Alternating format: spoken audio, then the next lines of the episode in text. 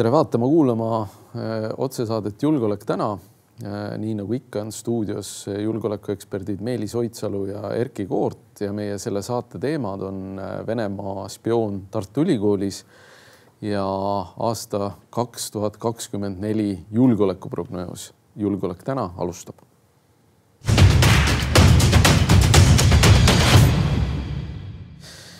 nii, aga enne kui me lähme saate põhiteemade juurde, räägime korraks ära, mis on ajaloos juhtunud, et, et üheksakümne neljandal aastal ütles Venemaa välisminister Pavel Kravtsov, et Venemaa väed peaks ikkagi Balti riikidesse alaliselt jääma.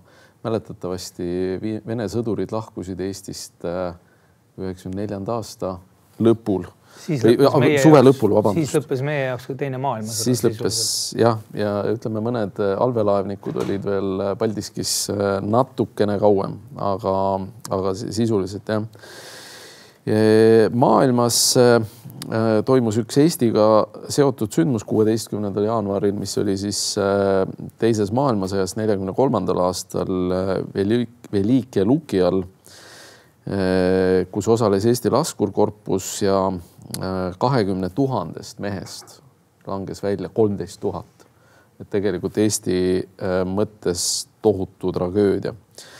Äh, Iraani äh, revolutsiooni tulemusena põgenes seitsmekümne üheksandal aastal šah Iraanist ja, ja peale seda tunneme me Iraani nii, nagu me tunneme, ajatollade Iraani seitsmeteistkümnes jaanuar äh, tuhat üheksasada kaks on ääretult oluline, mis äh, võtab ka kokku meie selle kaitsetahte ühe osa ehk olla tugev.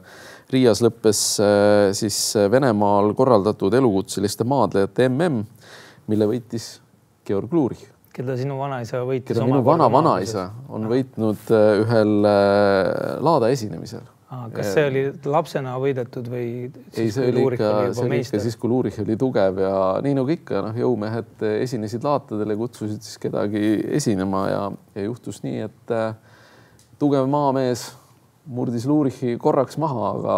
kas Luurich oli ärkvel või magas? Luurich oli ärkvel ja ta küll ütles, et jalg olla libisenud, aga ja, ja see aasta mul äh, üks sugulane, tal õnnestus ka üles leida ajakirjandusväljavõte sellest, nii et selles suhtes oli oli igavesti tore, aga tuhat üheksasada üheksateist äh, ajutine valitsus tunnistas Ruhnu saare Eesti Vabariigi osaks. käis Vabadussõda mäletatavasti. Äh, Jõgeval mõõdeti Eesti külmarekord nelikümmend kolm koma pool kraadi tänasel päeval. Äh, Petseris muide olla miinus viiskümmend olnud, aga seal ei fikseerinud ametlik mõõtmisjaam seda. üheksakümne kolmandal aastal toimus Paldiskis suur relvarööv kus Vene sõjaväelaost varastati ära terve hulk automaate ja, ja muid äh, käsitulirelvi ja granaate. Äh, neljakümne kuuendal aastal pidas Ühinenud Rahvaste Organisatsiooni Julgeolekunõukogu oma esmaistungi. Äh, nii nagu me seda Julgeolekunõukogu mõnes mõttes täna tunneme, ainult selle erinevusega, et et varasemalt teatavasti oli seal siis Hiina Vabariik, mitte Hiina Rahvavabariik ja see toimus Londonis, eks mitte, mitte New Yorgis. kuuekümne kuuendal aastal toimus üks ärev intsident eh, Hispaania kohal, kus eh, hakati tankima USA lennukit ja, ja mõlemad lennukid süttisid. ühel neist olid eh, neli tuumapommi, mis alla kukkudes õnneks ükski ei plahvatanud ja üks leiti kuuldavasti Vahemerest alles seitsmendal aprillil siis nelja, kuuekümne kuuendal aastal. kaheksateist jaanuar äh, jälle oluline Eesti, Eesti seisukohalt tuhat üheksasada kakskümmend, tuhat kaheksasada kakskümmend Riias ja Kuressaares kuulutati pidevalt, pidulikult välja Liivimaa talurahvaseadus väga suure mõjuga. üheksateistkümnendal aastal siis eelmisel sajandil maabus Utri ja dessant, algas Narva vabastamine. neljakümne viiendal aastal liideti siis Petserimaa Eestile jäänud vallad Võru maakonnaga ja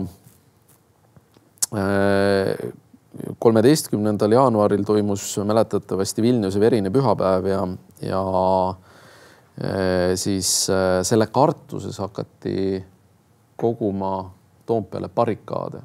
mäletame, siis Toompea oli ju eh, paneele ja kivirahne täis üheksakümne esimesel aastal ja, ja sel kaheksateistkümnendal jaanuaril siis neid sinna kokku vedama hakati ja, ja tegelikult on veel üks oluline sündmus, et, et anti siis üle Lennart Meri ja Mart Laari allkirjaga soov NATO-le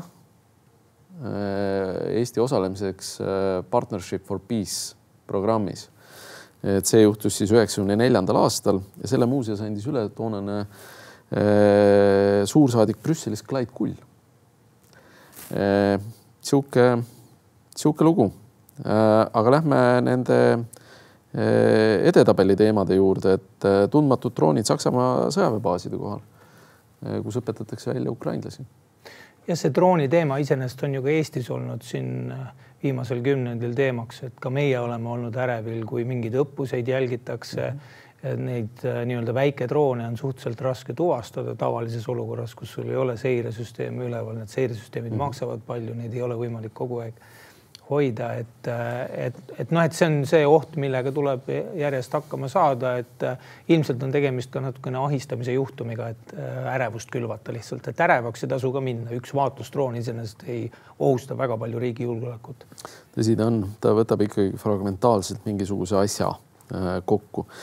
Iisrael on genotsiidi süüdistusega ÜRO kohtus teema siis selles, et äh, Lõuna-Aafrika Vabariik andis äh, Iisraeli kohtusse, süüdistades teda genotsiidis ja aparteed, aparteedis või selles, selles varasemas aparteedipoliitikas.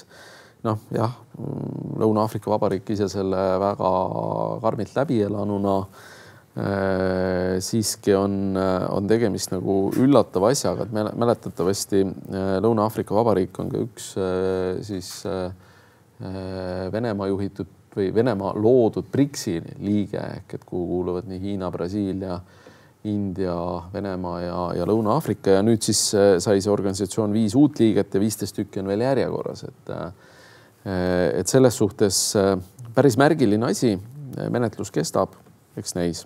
ühest küljest on hea, et seda teemat arutletakse, teisest küljest on muidugi narr, et kui su riigi kallal on noh, sisuliselt pandud äh, üheksa, üksteist tasemel nii-öelda terrorirünnak toime, et siis vastuse äh, või sellele enesekaitse nagu nii-öelda reaktsioonile, et selle vastu saad genotsiidi süüdistuse, et seal noh, keeruline nagu see konflikt üldse, me räägime sellest ilmselt saate teises teemas ka. räägime äh, üheteistkümnendal jaanuaril kiitis valitsus heaks riigikaitse elanikkonnakaitse rahastuskava, mille alusel siis nelja aasta jooksul äh, elanikkonnakaitsele eraldatakse kaheksakümmend miljonit eurot.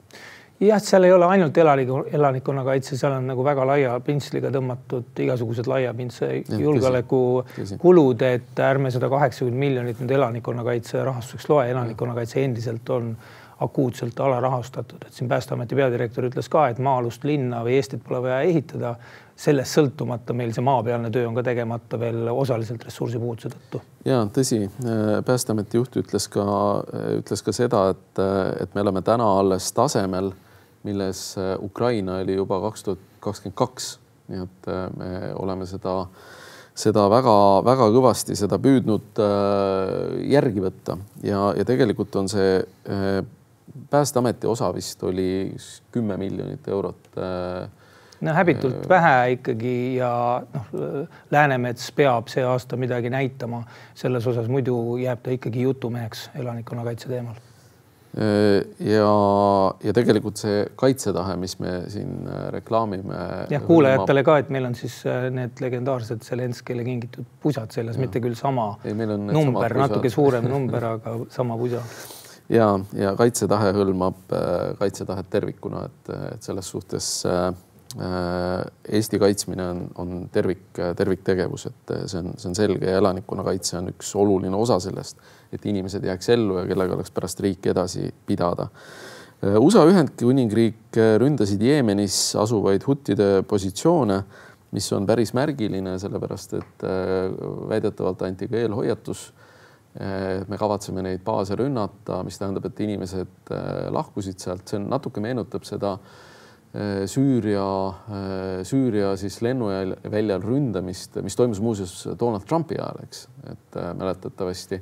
Ja sellel lennuväljal baseerusid ka Süürias toona Venemaa hävitajad. Ja, ja toona ameeriklased ütlesid, et me kavatseme seda lennujaama rünnata, koristage ennast ära sealt. Ja ja, ja siis pärast venelased said öelda, et ameeriklased ei tabanud mitte midagi.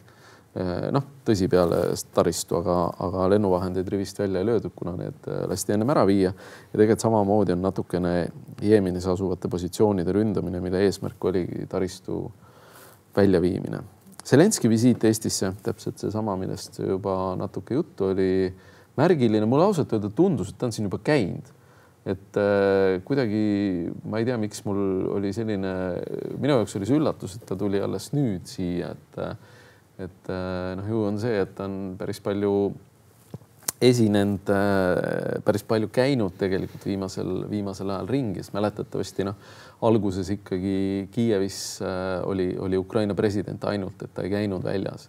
ta käis, ta käis peamiselt jah, nende riikide juures, kellega oli justkui mingeid nii-öelda meelsusprobleeme või koostööprobleeme. Ja eks alati on mõistlikum minna sõdiva riigipea juurde külla, kui et äh, lasta tal ringi kablutada mm. -hmm. samal ajal, kui ta sõda, sõda või riik sõjas on. ja mis mõnes mõttes see, et Zelenskõi saab täna ringi sõita, näitab natukene ka selle riigi stabiilsust ja see, et Putin ei saa ringi sõita, näitab selle riigi teistpidist stabiilsust, kuigi noh, Putin viimasel ajal, tõsi, on mõned visiidid teinud.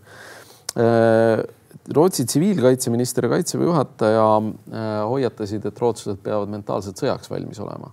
Päris märgiline asi tegelikult äh, ühelt riigilt, kes, mis ei ole üle kahesaja aasta sõdinud ja, ja ongi huvitav jälgida, et kui rootslased tegelikult on sellest varem ka rääkinud, me tasuks võib-olla eeskuju võtta ka selles osas, et äkki meil on ka elanikkonnakaitseministrit vaja, et asjad liikuma hakkaks. kes see võiks olla?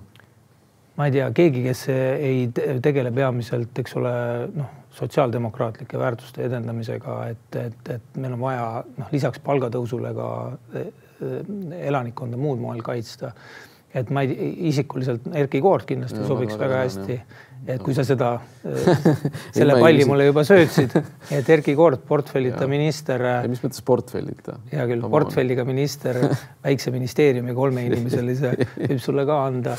aga ühesõnaga Rootsi teeb natuke rohkem tööd kui meie, meie siin endiselt isegi pärast Gruusia sõda, pärast kaht tuhat neljateist aastat me ikkagi veel avastame siin, et me asume Venemaa kõrval ja Venemaa on sõjakas ja võib meid rünnata et noh, täna, kui me vaatame reaktsioone. Kaja Kallase ütlemistele, et siis meil on mentaalsusprobleeme rohkem kui Rootsil ja me peame nendega tegelema, et mitte iga kord imestada ja avastada, et oi, me asume Venemaa kõrval ja äkki siin on ohtlik. Ja äh, muuseas, seesama Kaja Kallase väljaütlemine on tegelikult kahtepidi, et ühelt poolt ta peaks mõjuma äratusena, eks. Teiselt poolt ta mõjub kindlasti äh, majandusele noh, mitte kõige paremini, et äh, investeeringuid äh, ta kindlasti pärsib. Ja, ja noh, teine asi on see ka, et loomulikult me peame valmis olema, aga kui me pidevalt ütleme, et Venemaa tahab konflikti NATO-ga kolme aasta jooksul umbes või viie aasta jooksul see juhtub, siis tegelikult minu arvates me õnnestame ka ise NATO usaldusväärsust seetõttu, et noh, NATO NATO mõte läheb siis ju kaotsi. ma oleks sinuga nõus äh, sellisel juhul, kui see varasem vaikimine oleks toonud tulemust, see on viinud mm -hmm. stagnatsiooni. Kaja Kallase väljaütlemised äh, ei ütle otseselt, et tuleb kindlasti sõda, ta ütleb, et sõda tuleb siis, kui me oleme jätkuvalt nõrgad ja kui me ei tegele sellesama tõkestusheidutuse loomisega ka et siin pildis ja kuskil kirjutati, et Saksamaa mõtleb, eks ole, vägede kiirele mhm. siirmisele siia, mhm. et see on justkui skandaal ja ohtlik ei ole, et see on seesama tõkestusheidutuse elluviimine. mida rohkem me sellest räägime, seda tugevamaks me saame narratiivi selle kohta, et Narva on järgmine aastast kaks tuhat neliteist New York Timesi mhm. pealkiri. me niikuinii ei kontrolli investeeringud tulevad tagasi ainult siis, kui me rasked kõnelused ära peame ja kui Venemaa saab aru, et me, NATO on nii tugev, et pole mõtet midagi proovida siin. Tõsi, äh, valmistuma peab ja, ja sellest tuleb ka rääkida, aga äh, üks asi veel, mida me siia edetabelisse panime, on äh, Jeltsini ja Clintoni kohtumine, mis tuli välja siis eelmine, üle-eelmine nädal, kus siis Soome avaldas terve hunniku välisministeeriumi, Soome välisministeeriumi memosid. Ja üheksakümnendate alguses siis avaldati ka memo, kus kohtusid Clinton ja, ja Jeltsin, kus siis arutati seda, et eh, või vähemalt selle memo järgi Jeltsin olla palunud või üheksakümnendate lõpul, vabandust, mitte üheksakümnendate alguses, tegemist oli selle hetkega, kui Jeltsin juba valmistus lahkuma ja Putin valmistus tulema, nii et see oli üheksakümmend kaheksa, üheksakümmend üheksa see sellel ajal. Ja, ja tegelikult see Jeltsini huvi jätta Euroopa nii-öelda Venemaa mõju, mõjusfääri, noh, tekitab küsimusi tegelikult Jeltsini sellises noh, kuvandis, mida talle on püütud ka Eestis omistada, et kas, kas see bareljeef, mis on seal Toompea alamil Stenbocki maja sügava vundamendi küljes, kui noh, niimoodi ülekantud tähenduses tuua. et kas see tuleks maha võtta, sest äh, Jeltsin lisaks sellele, et äh, tal oli kindlasti roll selleks, et me saime vabaks, võib-olla see oli tahtmatu roll, on tal ka roll selles, millises olukorras me täna oleme jah, no ongi üldse küsitav, et palju Jeltsini demokraatia instinktides rääkis alkohol kaasa, et äh, ja, ja ka selles üheksakümne neljanda aasta otsuses väed välja viia, et mingit nagu põhjust idealiseerida ka seda vahepealset Venemaad, mis paar aastat eksisteeris enne Putinit, ei ole ka mhm. mõtet. ei ole, tõsi, aga lähme esimese teema juurde.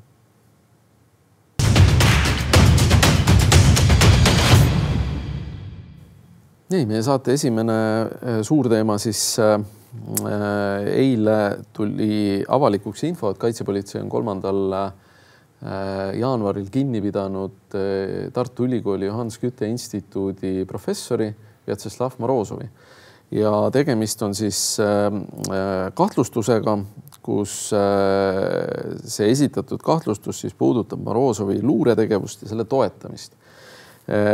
Nii nagu alati on sellistel puhkudel ilmub välja terve hulk inimesi, kes ütlevad, et kõik märgid olid õhus, kõik näitas sellele kui me mäletame ka ühte esimest süüdi mõistetud äh, spiooni Eestis, äh, Herman Simmi, siis ka peale Herman Simmi kinnipidamist väga paljud teadsid, olid teadnud algusest peale, et tegemist on Venemaa spiooniga.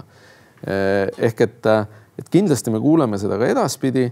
Ma usun, et kuna kaitsepolitsei on need juhtumid tegelikult suhteliselt kiiresti alati ära lahendanud ja ja enamasti need asjad on lahenenud kokkuleppes ehk et inimene võtab äh, süü või noh, tunnistab ennast süüdi. Äh, talle mõistetakse reaalne vanglakaristus, aga selle tõttu, et ta ennast süüdi tunnistab, vähendatakse tema karistust siis kolmandiku võrra näiteks, et äh, või veerandi või mis iganes siis seal kokku lepitakse.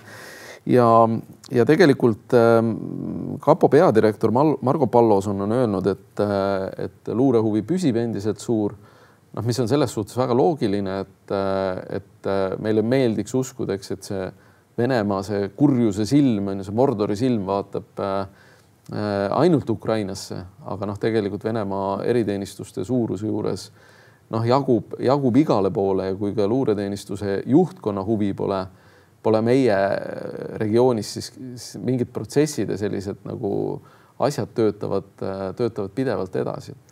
Ja, ja siin on küsimus ka ilmselt Tartu Ülikoolile ja Skytte instituudile, sealhulgas, et kui palju Vene kodanikest lektoreid ja õppejõude ja muid mõjukaid inimesi Eesti akadeemilises sfääris eh, tegutseb, kas nad kõik peavad olema nii-öelda värvatud, ühest küljest on põhjus eh, selge, miks neid tööle võetakse, tahetakse müüa oma Venemaa ekspertiisi. selleks on hea, kui on keegi vene taustaga inimene aga noh, minu jaoks isiklikult see inimeste jaoks ilmselt erineb, noh, Venemaa on sisuliselt põhjakoreastunud ja kui siin käiks pidevalt äh, õpetamas äh, ilmselt ka mingeid riigiasutusi, sa rääkisid ennast, saad sellest täpsemalt rääkida.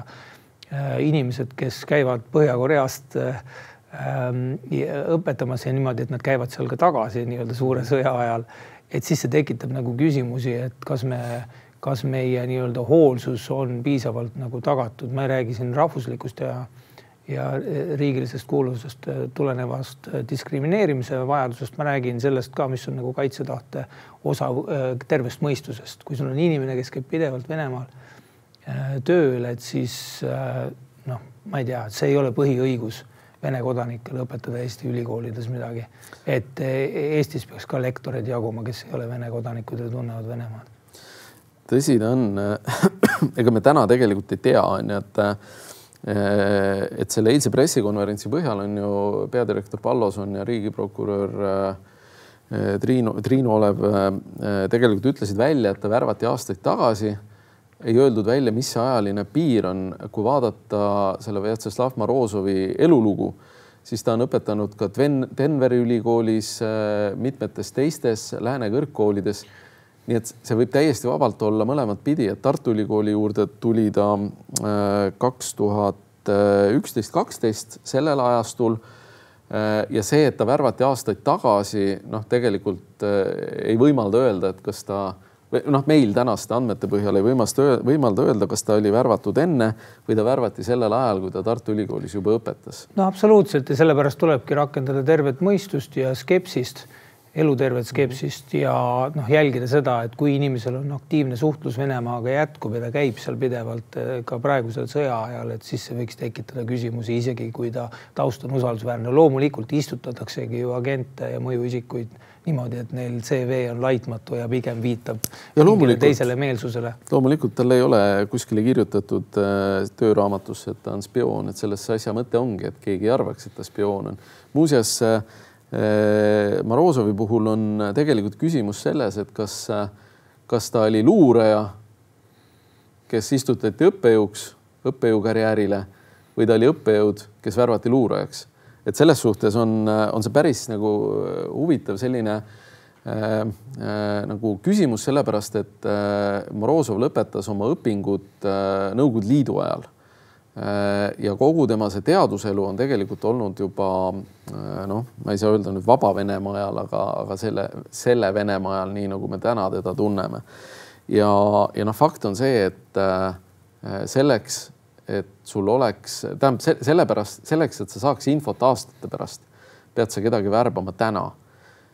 kui sa täna ei värba, siis kümne aasta pärast sul infi ei ole, mis tähendab, et luure peab kogu aeg leidma uusi ligipääse ja, ja oluline on ka see, et äh, luure äh, nii-öelda siis info kogumisel, et äh, see üks agent, kes sul on, võib osutuda kas reeturiks sinu noh, topeltagendiks äh,, ajada lihtsalt mingisugust jama või tegelikult äh, olla laisk lihtsalt, et selle info äratoomisel, mis tähendab, et esiteks äh, ja ta võib sisse kukkuda, on ju, et äh, mis tähendab seda, et sa pead igal juhul kogu aeg leidma uusi ligipääse, olenemata sellest, et palju sul eelnevalt on.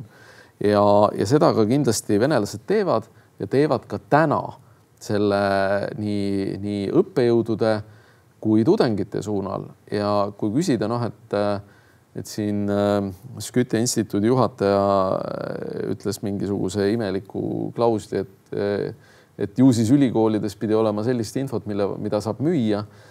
noh ütleme, luure üks huvi on ju leida uusi ligipääse tudengite hulgast, kes täna õpivad mõnes kõrgkoolis, aga võib-olla kümne aasta pärast on äh, Välisministeeriumi poliitikalaua ülem, äh, kahekümne aasta pärast suursaadik Ameerika Ühendriikides, peadirektor äh, Politsei- Piirivalveametis selles suhtes, et seda, seda tööd tehakse nagu pidevalt ettevaatavalt ja ka ülikoolis oleva õppejõu nii-öelda värbamise küsimus ei pruugi olla üldse see, et, et ta sealt võib-olla mõne uuringu äh, siis välja viis, mis niigi on veebi, veebis saadaval ja, ja avalik, vaid, vaid ikkagi see, see pool ja, ja kui vaadata noh, seda Morozovi CV-d, siis Morozov õpetas mitmeid aastaid välisministeeriumi diplomaatidele Venemaa tundmist. nüüd, kas venelastel on huvi, millised need diplomaadid on kuidas nad üleval pidasid, mida nad küsisid. Äh, et selles suhtes see, see, see, see asi on palju keerulisem kui see, et, et Skytte instituudis ei olnud riigisaladust. võib-olla see asi on just nagu sa selgitad, tegelikult lihtsam, et äh, see, et venelased värbavad mingi mõjuagendi Äh, ei tähenda seda, et seal mõjuagendilt oodatakse infole ligipääsu, vaid talt oodatakse infot järgmiste väratavate kohta, keda siis saab ta ise või keegi teine värvata. ja, ja noh, kuuleme, kuidas, kuidas Morozoviga oli. üks teema siia kõrvale tooks, et mida see Morozovi ja Tartu Ülikooli kaasus nagu laiemalt, millele osundab, on üldse akadeemiliste ringkondade meelsusküsimus äh, ja ka julgeoleku küsimus. meil siin on ju mõne aja tagune juhtum äh, mereteadlase Tarmo Kõutsiga, kes Hiina luure poolt ära värvati. Äh, meil on siin äh, tekkinud e-, eelmise aasta lõpus küsimusi sellega, et milline on Hamasi mõju lääne äh, akadeemilistes ringkondades.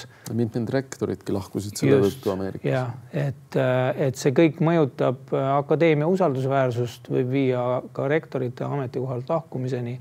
et see on teema, millega siis mitte hüsteeriliselt, aga siiski tuleks tegeleda ja noh, miinimum, mis on, on ikkagi eh, igasugune roosa udu võiks nüüd mõneks ajaks nagu ära puhastada, et vaadata, et koridorid oleks vähemalt sellest puhtad mm. -hmm. et eh, ja, ja kasutada ikkagi tervet mõistust ja arvestada sellega, et Venemaa on noh, sisuliselt võrdub täna Põhja-Koreaga, kui tegude järgi vaadata. ja absoluutselt ja, ja tegelikult on äh, päris märgiline ka, et, äh, et taaskord on äh, üks ülikooli inimene kätte saadud, et mäletatavasti ka Hiina sõjaväeluure värbas üks Tallinna Tehnikaülikooli mereteadlase Tarmo Kõutsi et sellest ma rääkisin jah. jah, ja, ja, ja selles suhtes äh, nii tema kui tema abiline äh, Äh, kes siis äh, Hiina sõjaväeluuret abistasid ja, ja samamoodi on siis praeguses juhtumis, kus äh, noh, Venemaal oli ilmselgelt huvi Tartu Ülikooli tegemiste vastu ja ka nende kontaktide vastu, et noh, seesama sama küsimus, et et mis seal, mis seal siis on, kui üks õppejõud kutsutakse näiteks mõnda Eesti ministeeriumisse rääkima Venemaast Äh, noh, ma olen täiesti kindel, et Eesti luureasutustele pakuks küll huvi, kui Vene välisministeeriumisse näiteks kutsutakse mõni professor rääkima Eestist. Ehk et äh, kuidas see toimub, see arutelu, mida küsitakse, millised on reaktsioonid. et, äh, et see, see, see huvitav jah, on see inimeste arusaam on see, et kui meil riigisaladust ei ole, siis järelikult noh, probleemi justkui ei ole. et aga, aga asi on märksa komplekssem ja tegelikult noh, ka see luure, luure lähenemine, see on nagu varajane Alžeimer, et ega harva astutakse inimesele juurde ja öeldakse, et kuule, et äh, ma olen siin Venemaa luurest, et äh, ole hea, teeme koostööd. et see kultiveerimine hakkabki niimoodi, nagu me kirjeldasime, et kõigepealt inimese tundmaõppimisega, siis küsitakse, et kuule, et kas sa saad tuua mulle need materjalid, äh, mis on täiesti avalikud, veebisaidil kättesaadavad aga inimene tahab just neid äh, nagu isiklikult saada ja siis tekib selline, tekitatakse selline üleandmise, asjade üleandmise harjumus ja tavaliselt küsitakse, küsitakse, kui vaata Vene, Vene nii-öelda kaitseatašeede varasemat tegevust ka Eesti kaitseametnike suunal, et siis on tavaliselt küsitud kõigepealt süütuid asju. sõdurilehte. telefoninumbreid Äh, tekitatakse mingi fakt, et sa juba midagi mm -hmm. annad üle ja siis ja, äh, järgmiseks tulevad võib-olla mitme aasta pärast mingid teistsugused ja. juba ülesanded. aga inimesel tekib see, et, äh, et äh, kuidas noh, esiteks, et kuidas siis ma nüüd ei anna ja kuna ma olen seda juba andnud, siis ma ei saa enam noh, ütleme, on ütlus, et iga vale katmiseks iga järgnev vale peab olema suurem ja, ja tegelikult noh, häbiga on ka nii, et, et selleks, et häbi varjata, kiputakse tegema suurem häbi sinna, sinna peale. Et äh, ühesõnaga meie üleskutse kindlasti on, et kui teil on liginetud, siis minge Kaitsepolitseiametisse ja rääkige asjad ära ja kui see alguses tundub ka süütu kontaktina, siis äh, teie seda ei kontrolli, Venemaa luure kindlasti kontrollib. Ja, ja tegelikult äh, lihtsalt võib-olla selle teema kokkuvõtteks, et äh,, et neid värvatuid on ju igalt elualalt, et on Kaitseministeeriumist, on Kaitsepolitseiametist, on Kaitseväest, on ülikoolidest äh, kuni ärimeesteni. pesupoodideni, Victoria Dressenist räägin. pesupood Victoria Dressen, üks ärimees oli, kes lapsevankreid müüs, oli Venemaa sõjaväeluure GRU poolt värvatud ja, ja samamoodi ka salakaubavedajad, keda on, on värvatud, et, et selles suhtes äh, Äh, asi kindlasti ei ole selline, et, äh, et siis pesupoe või, või lastevankrite omanik tingimata riigisaladust käitleks, aga, aga huvi äh, nende kasutamiseks on. aga võtame selle teema kokku, et, et nii nagu me ütlesime, et kuidas vanasti ütlus oligi, et inimesed, olge valvsad ja ja ärge laske ennast Venemaa luureteenistuste või ka Hiina või mõne teise luureteenistuse lõksu püüda aga vahetame teemat.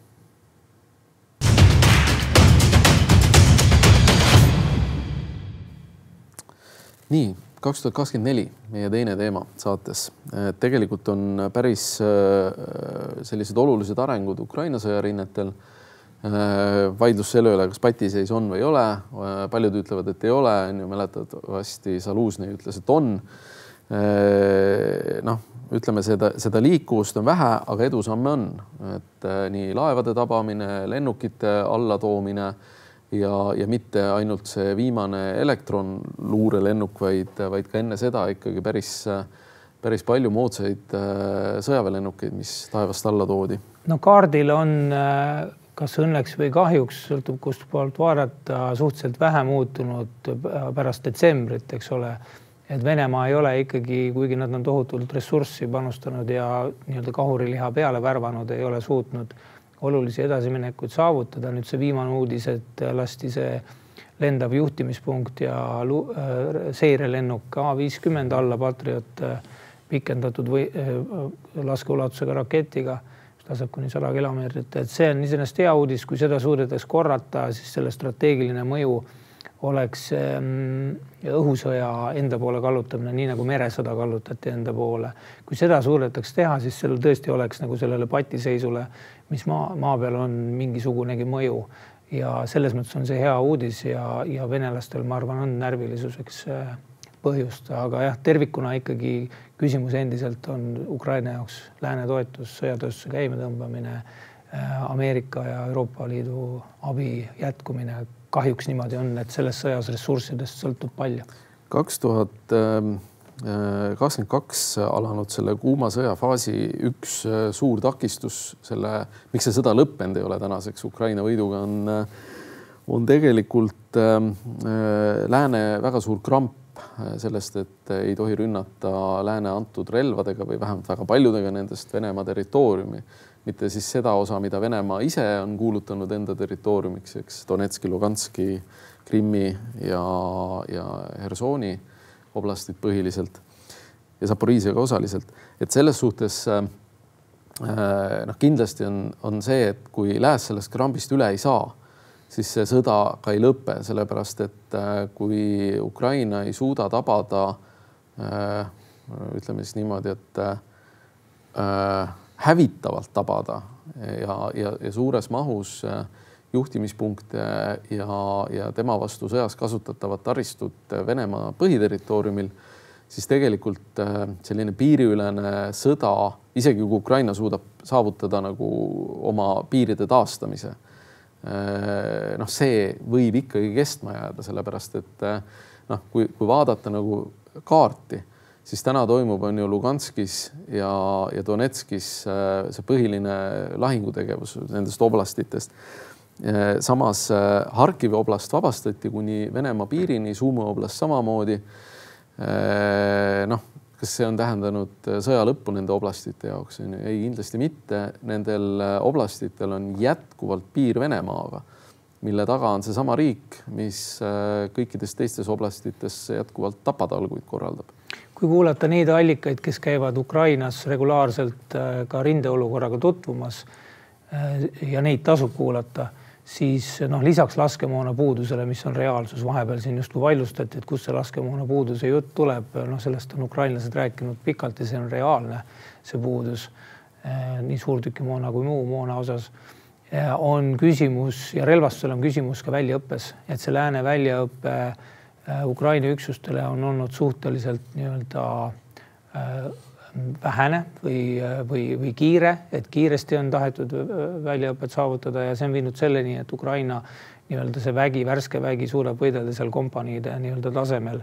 et brigaadistaabid juhivad paari kompanii tegevust, no mis ei ole selle asja mõte päriselt, et, et lääs peab ka oma väljaõppe nii-öelda missiooni üle vaatama ja, ja natuke tuleb sinna rohkem aega panna ja mahtu te teha nagu suuremat, kui me räägime siin eks ole, harjutusväljadest, eks ole, et miks on vaja üksuste vahelist äh, koostööd harjutada harjutusväljadel ka äh, pataljonide vahel ja ruumi selleks, et siis äh, noh, see on ilmselgelt jäänud puudu nende kahe tuhande kahekümne kolmanda aasta välja õpetatud vägede puhul. tõsi ja, ja noh, ütleme niimoodi, et äh, nii nagu minu arust äh, sa ise äkki ütlesid, et äh, et see sõda on iga paari kuu pärast uus et tegelikult äh, noh, ütleme ka lääne, lääne selline sõjakunst on ju toetunud mingisugustele õpikutele, aga saksa õpikud, mis on võib-olla kakskümmend aastat tagasi kirjutatud, ka ei vasta on ju täna tänasele olukorrale, nii et ka lääs selles suhtes on täiesti õige, et peab üle vaatama nii Ukraina väljaõppe kui ka oma väljaõppe. ja kui Zalužnõi siin paar kuud tagasi essee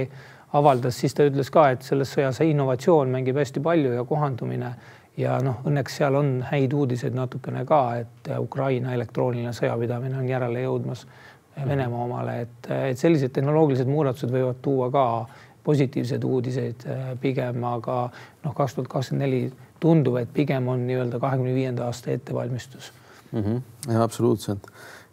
Eh, üks oluline asi, mis sõda Ukrainas ka mõjutab, USA valimised ja tulemus järgmine aasta on üldse väga suures osas valimiste aasta, et naljakal kombel me nimetame kohati valimisteks ka seda, mis Venemaal toimuma hakkab, eks märtsis. kuigi äh, seal praeguseks on juba äh, need, kes tahtsid kandideerida, on vangi pandud või vangis juba ennem olnud, on ju nii äh, noh, süüdimõistetuna, eks Navalnõi ei saa kandideerida. Igor Kirkin, sõjakurjategija, tema on vangis, temale lastud kandideerida ja Tuntsova siis see ajakirjanik, kolme lapse ema, kes tahtis kandideerida, pandi ka vangi nüüd ja, ja Putini vastu võivad siis kandideerida kaks Riigiduuma liiget. mis on siis niisugune kontrollitud opositsioon nii-öelda siis või niisugune näiline, näiline valik. Et aga USA valimistest rääkides tegelikult need arengud noh, on murettekitavad, et seda kohe kindlasti nüüd praegu on üks info selle kohta, et USA president on kutsunud ikkagi poliitiliste parteide esindajad Valgesse Majja, et arutada, kuidas sellest kriisist väljuda sest noh, tegelikkuses, et Ukraina võib küll öelda, et kui meil relvi pole, me hakkame labidatega sõdima, nagu Kuleba on ju siin välisminister Kuleba ütles. Aga noh, fakt on see, et kui Lääs Ukrainale relvi ei anna, siis hakkab sõdima Lääs ise. nagu siin analüütikud on ütelnud juba, et siis noh, Bideni probleem on see, et tal puudubki nii-öelda plaan, enda nii-öelda võiduplaan, et ta viitab sellele, et Ukraina ütleb, millal sõda lõpeb ja niikaua, kui on vaja, oleme seal sees. see on halb retoorika selles mõttes, et see kajab äh, Afganistani viimase kahekümne aasta sõja nii-öelda foonil, kus ei saa öelda just, et lääs nagu võitis selle sõja, vaadates selle nii-öelda äh, Afganistani praegust elu ka et, äh, et siin on probleeme ja noh, Ameerika administratsioon peaks tulema mingi plaaniga välja, sest et kui me räägime lihtsalt sõja pikendamisest niikaua, kuni on vaja ja Trump tuleb ja ütleb, et tal on selle sõja lõpetamise plaan, siis selle foonil noh, võidab iga kell rahusõnum, isegi kui see plaan meile ei sobi. see, mida Trump tegelikult teeb, noh, on öeldud ka, et ta ikkagi kriitilistes küsimustes ka kuulab sõjaväelist juhtkonda ja vähemalt kuulas, kuulas vähemalt ja noh, tema ajal ka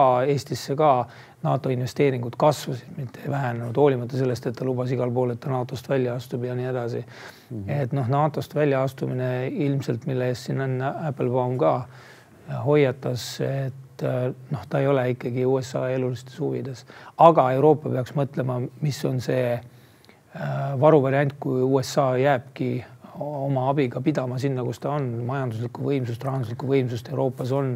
Orban tuleb kuidagi murda ja tuleb äh, vajadusel panna lihtsalt äh, noh, enda Marshalli plaan püsti ka Tege. tegelikult on äh, noh, päris palju sellest räägitud, on ju sellest Trumpi väljaastumisest ja see on Eestile kindlasti väga halb uudis. huvitaval kombel on tekkimas olukord, kus räägitakse kuni viiest aastast ajast, kui Venemaaga nii-öelda midagi võiks asjaks minna, mis tähendab, et kui Trump võidab järgmised valimised siis see president USA-s, kes selle asjaga tegeleb, ei ole enam Trump jälle. et selles suhtes see äh, olukord on selline natukene nagu noh, ma ei tea, orwellik on võib-olla palju öelda, aga selline äh, kummaline düstoopia, kus ühelt poolt äh, me justkui oleme suure probleemi ees või väljakutse ees teiselt poolt see, see väljakutse võib realiseeruda siis, kui see teine väljakutse on juba läinud. aga, aga lähme edasi kindlasti kodusõda või mitte kodusõda, vaid eh, Iisraeli Gaza konflikt ja selle võimalik laienemine. Tegelikult on see küsimus, et kas Venemaa eh, sõdib Ukraina vastu üksi või on seal koalitsioon Valgevene, Põhja-Korea ja Iraan ehk et millal Kiiev Teheranile sõja kuulutab tegelikult et, et võib tunduda nagu noh, kummaline. tegelikult noh, me oleme selles olukorras, kus Iraan on äh, osaline selles sõjas. Iisraeli-Gaza konflikti puhul on kaks küsimust. kõigepealt, mis see Iisraeli tegelik plaan on selle Gaza sektoriga ja, ja noh, seal tuleb äh, hoida nii-öelda silma peal ja Iisraeli ka natukene löa otsas. Äh, ja teine on, kas tuleb äh, nii-öelda põhjarinne, see, et kas hakkad, hakkavad seal teised tegurid mängima, kaasa arvatud siis Iraani toetatud Hezbollah ja sellest puhkeb nagu natukene suurem konflikte, et heidutus, äh, mida praegu Punasel merel seal huttide vastu, eks ole, rakendatakse, et see saab olema põhiküsimus ja USA peab endale selle nii-öelda sõjalise heidutuse geeni jälle üles leidma. Ja see kindlasti, mis, mis juhtub seal Iisraeli ümber ja Lähis-Idas, selle konflikti võimalik laienemine on asi, mis mõjutab ka meid, samamoodi Aafrika arengud, eks Sudaan Äh, tegelikult äh, eelmine aasta ju oli ridamisi võimupöördeid Aafrika riikides ja pole sugugi välistatud, et see aasta ei too lisa, et pigem oleks üllatunud, kui ei too lisa. siin on juba juhitud tähelepanu ka sellele, et Iisraelis muide ei ole välisinvesteeringud lahkunud, et pigem tehakse neid juurde. et kui me vaatamegi Lõuna-Korea ja Iisraeli mudelit, Herem, lahkuv Herem on ka ütelnud, eks ole, et ta Äh, noh, võrdsustab mõnes mõttes Eesti olukorda Iisraeliga mm, -hmm. et siis ikkagi nii-öelda sõjaline tugevus on see, mis äh, loob selle investeeringukeskkonna, isegi kui on reaalne oht mm. -hmm. ja äh, selle maailma lõpetuseks ma võtaks selle, et et üks oluline meie naaber on ju Rootsi, ei ole veel NATO-s ja kaks tuhat kakskümmend neli loodetavasti saab, seda on pidurdanud Türgi ja, ja meie sugulasrahva äh, juht äh, Viktor Orban, et tegelikult on hästi äh, oluline küsimus ka Euroopa Liidu ja NATO sees, et kuidas leida nüüd üles ühtsus taas ja, ja mida teha Orbaniga, et see on kindlasti ka kaks tuhat kakskümmend neli suur väljakutse ja Washingtoni tippkohtumine sinna otsa ja Ukrainale antud lubadused. praegu käib selliste kahepoolsete julgeolekulepete punumine ja siin on toodud mängu ka Eesti välja käidud pikaaegne plaan null koma kakskümmend viis protsenti SKP-st. et kui lääneliitlased panustaks, et siis on see sõda võidetav. et mõnes mõttes on see Eesti plaan oluline selles mõttes, mis on hakanud rohkem nüüd läänes ka kõlama pärast jõule. et noh, et kui NATO liikmelisust ei tule Washingtonis, et siis vähemalt on mingid reaalsed julgeolekugarantiid ressursside näol olemas ja sellele nagu tasuks noh, lääne liidritel mõelda. Äh, lähme Eesti juurde. Äh, juba mainisid kindral Heremit. Äh, kindral Herem teatas eile või tähendab, eile sai avalikuks ka see teave, et kindral Herem lahkub. räägitud on uutest inimestest, kes võiks tema selle üle võtta. kindral Herem oli Eesti esimene kaitseväe juhataja taasiseseisvumise ajal kes ei olnud varem teeninud ühegi teise riigi sõjaväes ja ilmselt äh, saab ka järgmine olema selline, kes on teeninud ainult Eesti sõjaväes. Äh, selles suhtes on, on päris märgiline, et see vahetus, äh, vahetus toimub ja ta toimub varem. kindral Herem on kindlasti teinud väga palju kaitseväe reaalseks arendamiseks.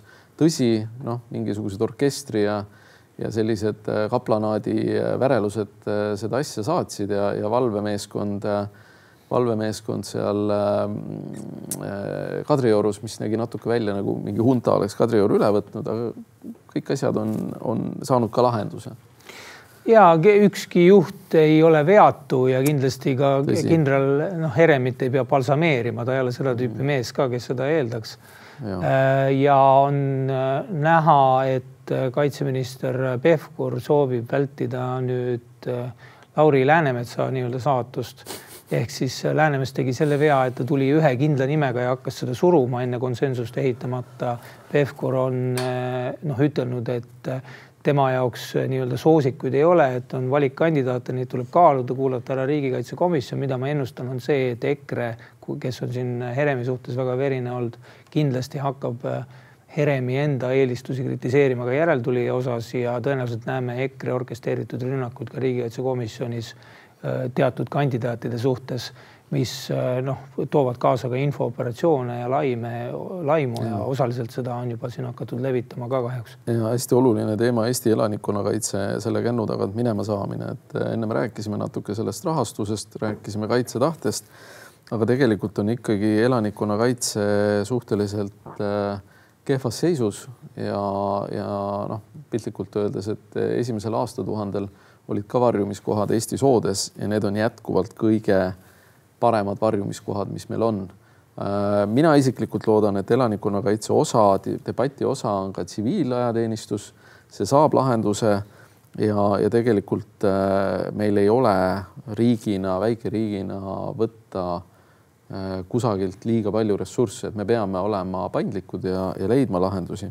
me oleme jah, üritame praegu nii-öelda esimese käiguga möödasõitu teha et pöörded on justkui kõrgel, aga tegelikult oleks vaja teist käiku, kolmandat käiku, et, et see asi liikuma saada adekvaatselt. ja, ja, ja kindlasti on hästi suure julgeolekutempliga ka äh, erinevad meelsusreformid või erinevad reformid, on see üleminek eestikeelsele kooliharidusele, mis on, mida Keskerakond on aastaid pidurdunud, pidurdanud Äh, on see venekeelse elanikkonna või mitte venekeelses elanikkonna, vaid Vene kodanike valimisõiguse äravõtmine või valimisõiguse peatamine, äh, relvade äravõtmine äh, Vene kodanikelt, et, et kui edukalt valitsus suudab need asjad lõpetada ja, ja mis juhtub tegelikult see ka sellesama selle üleminekuga eestikeelsele haridusele, mis ikkagi juhtub Keskerakonnaga, mis tulevik on Keskerakonnal? tooksin siia juurde ka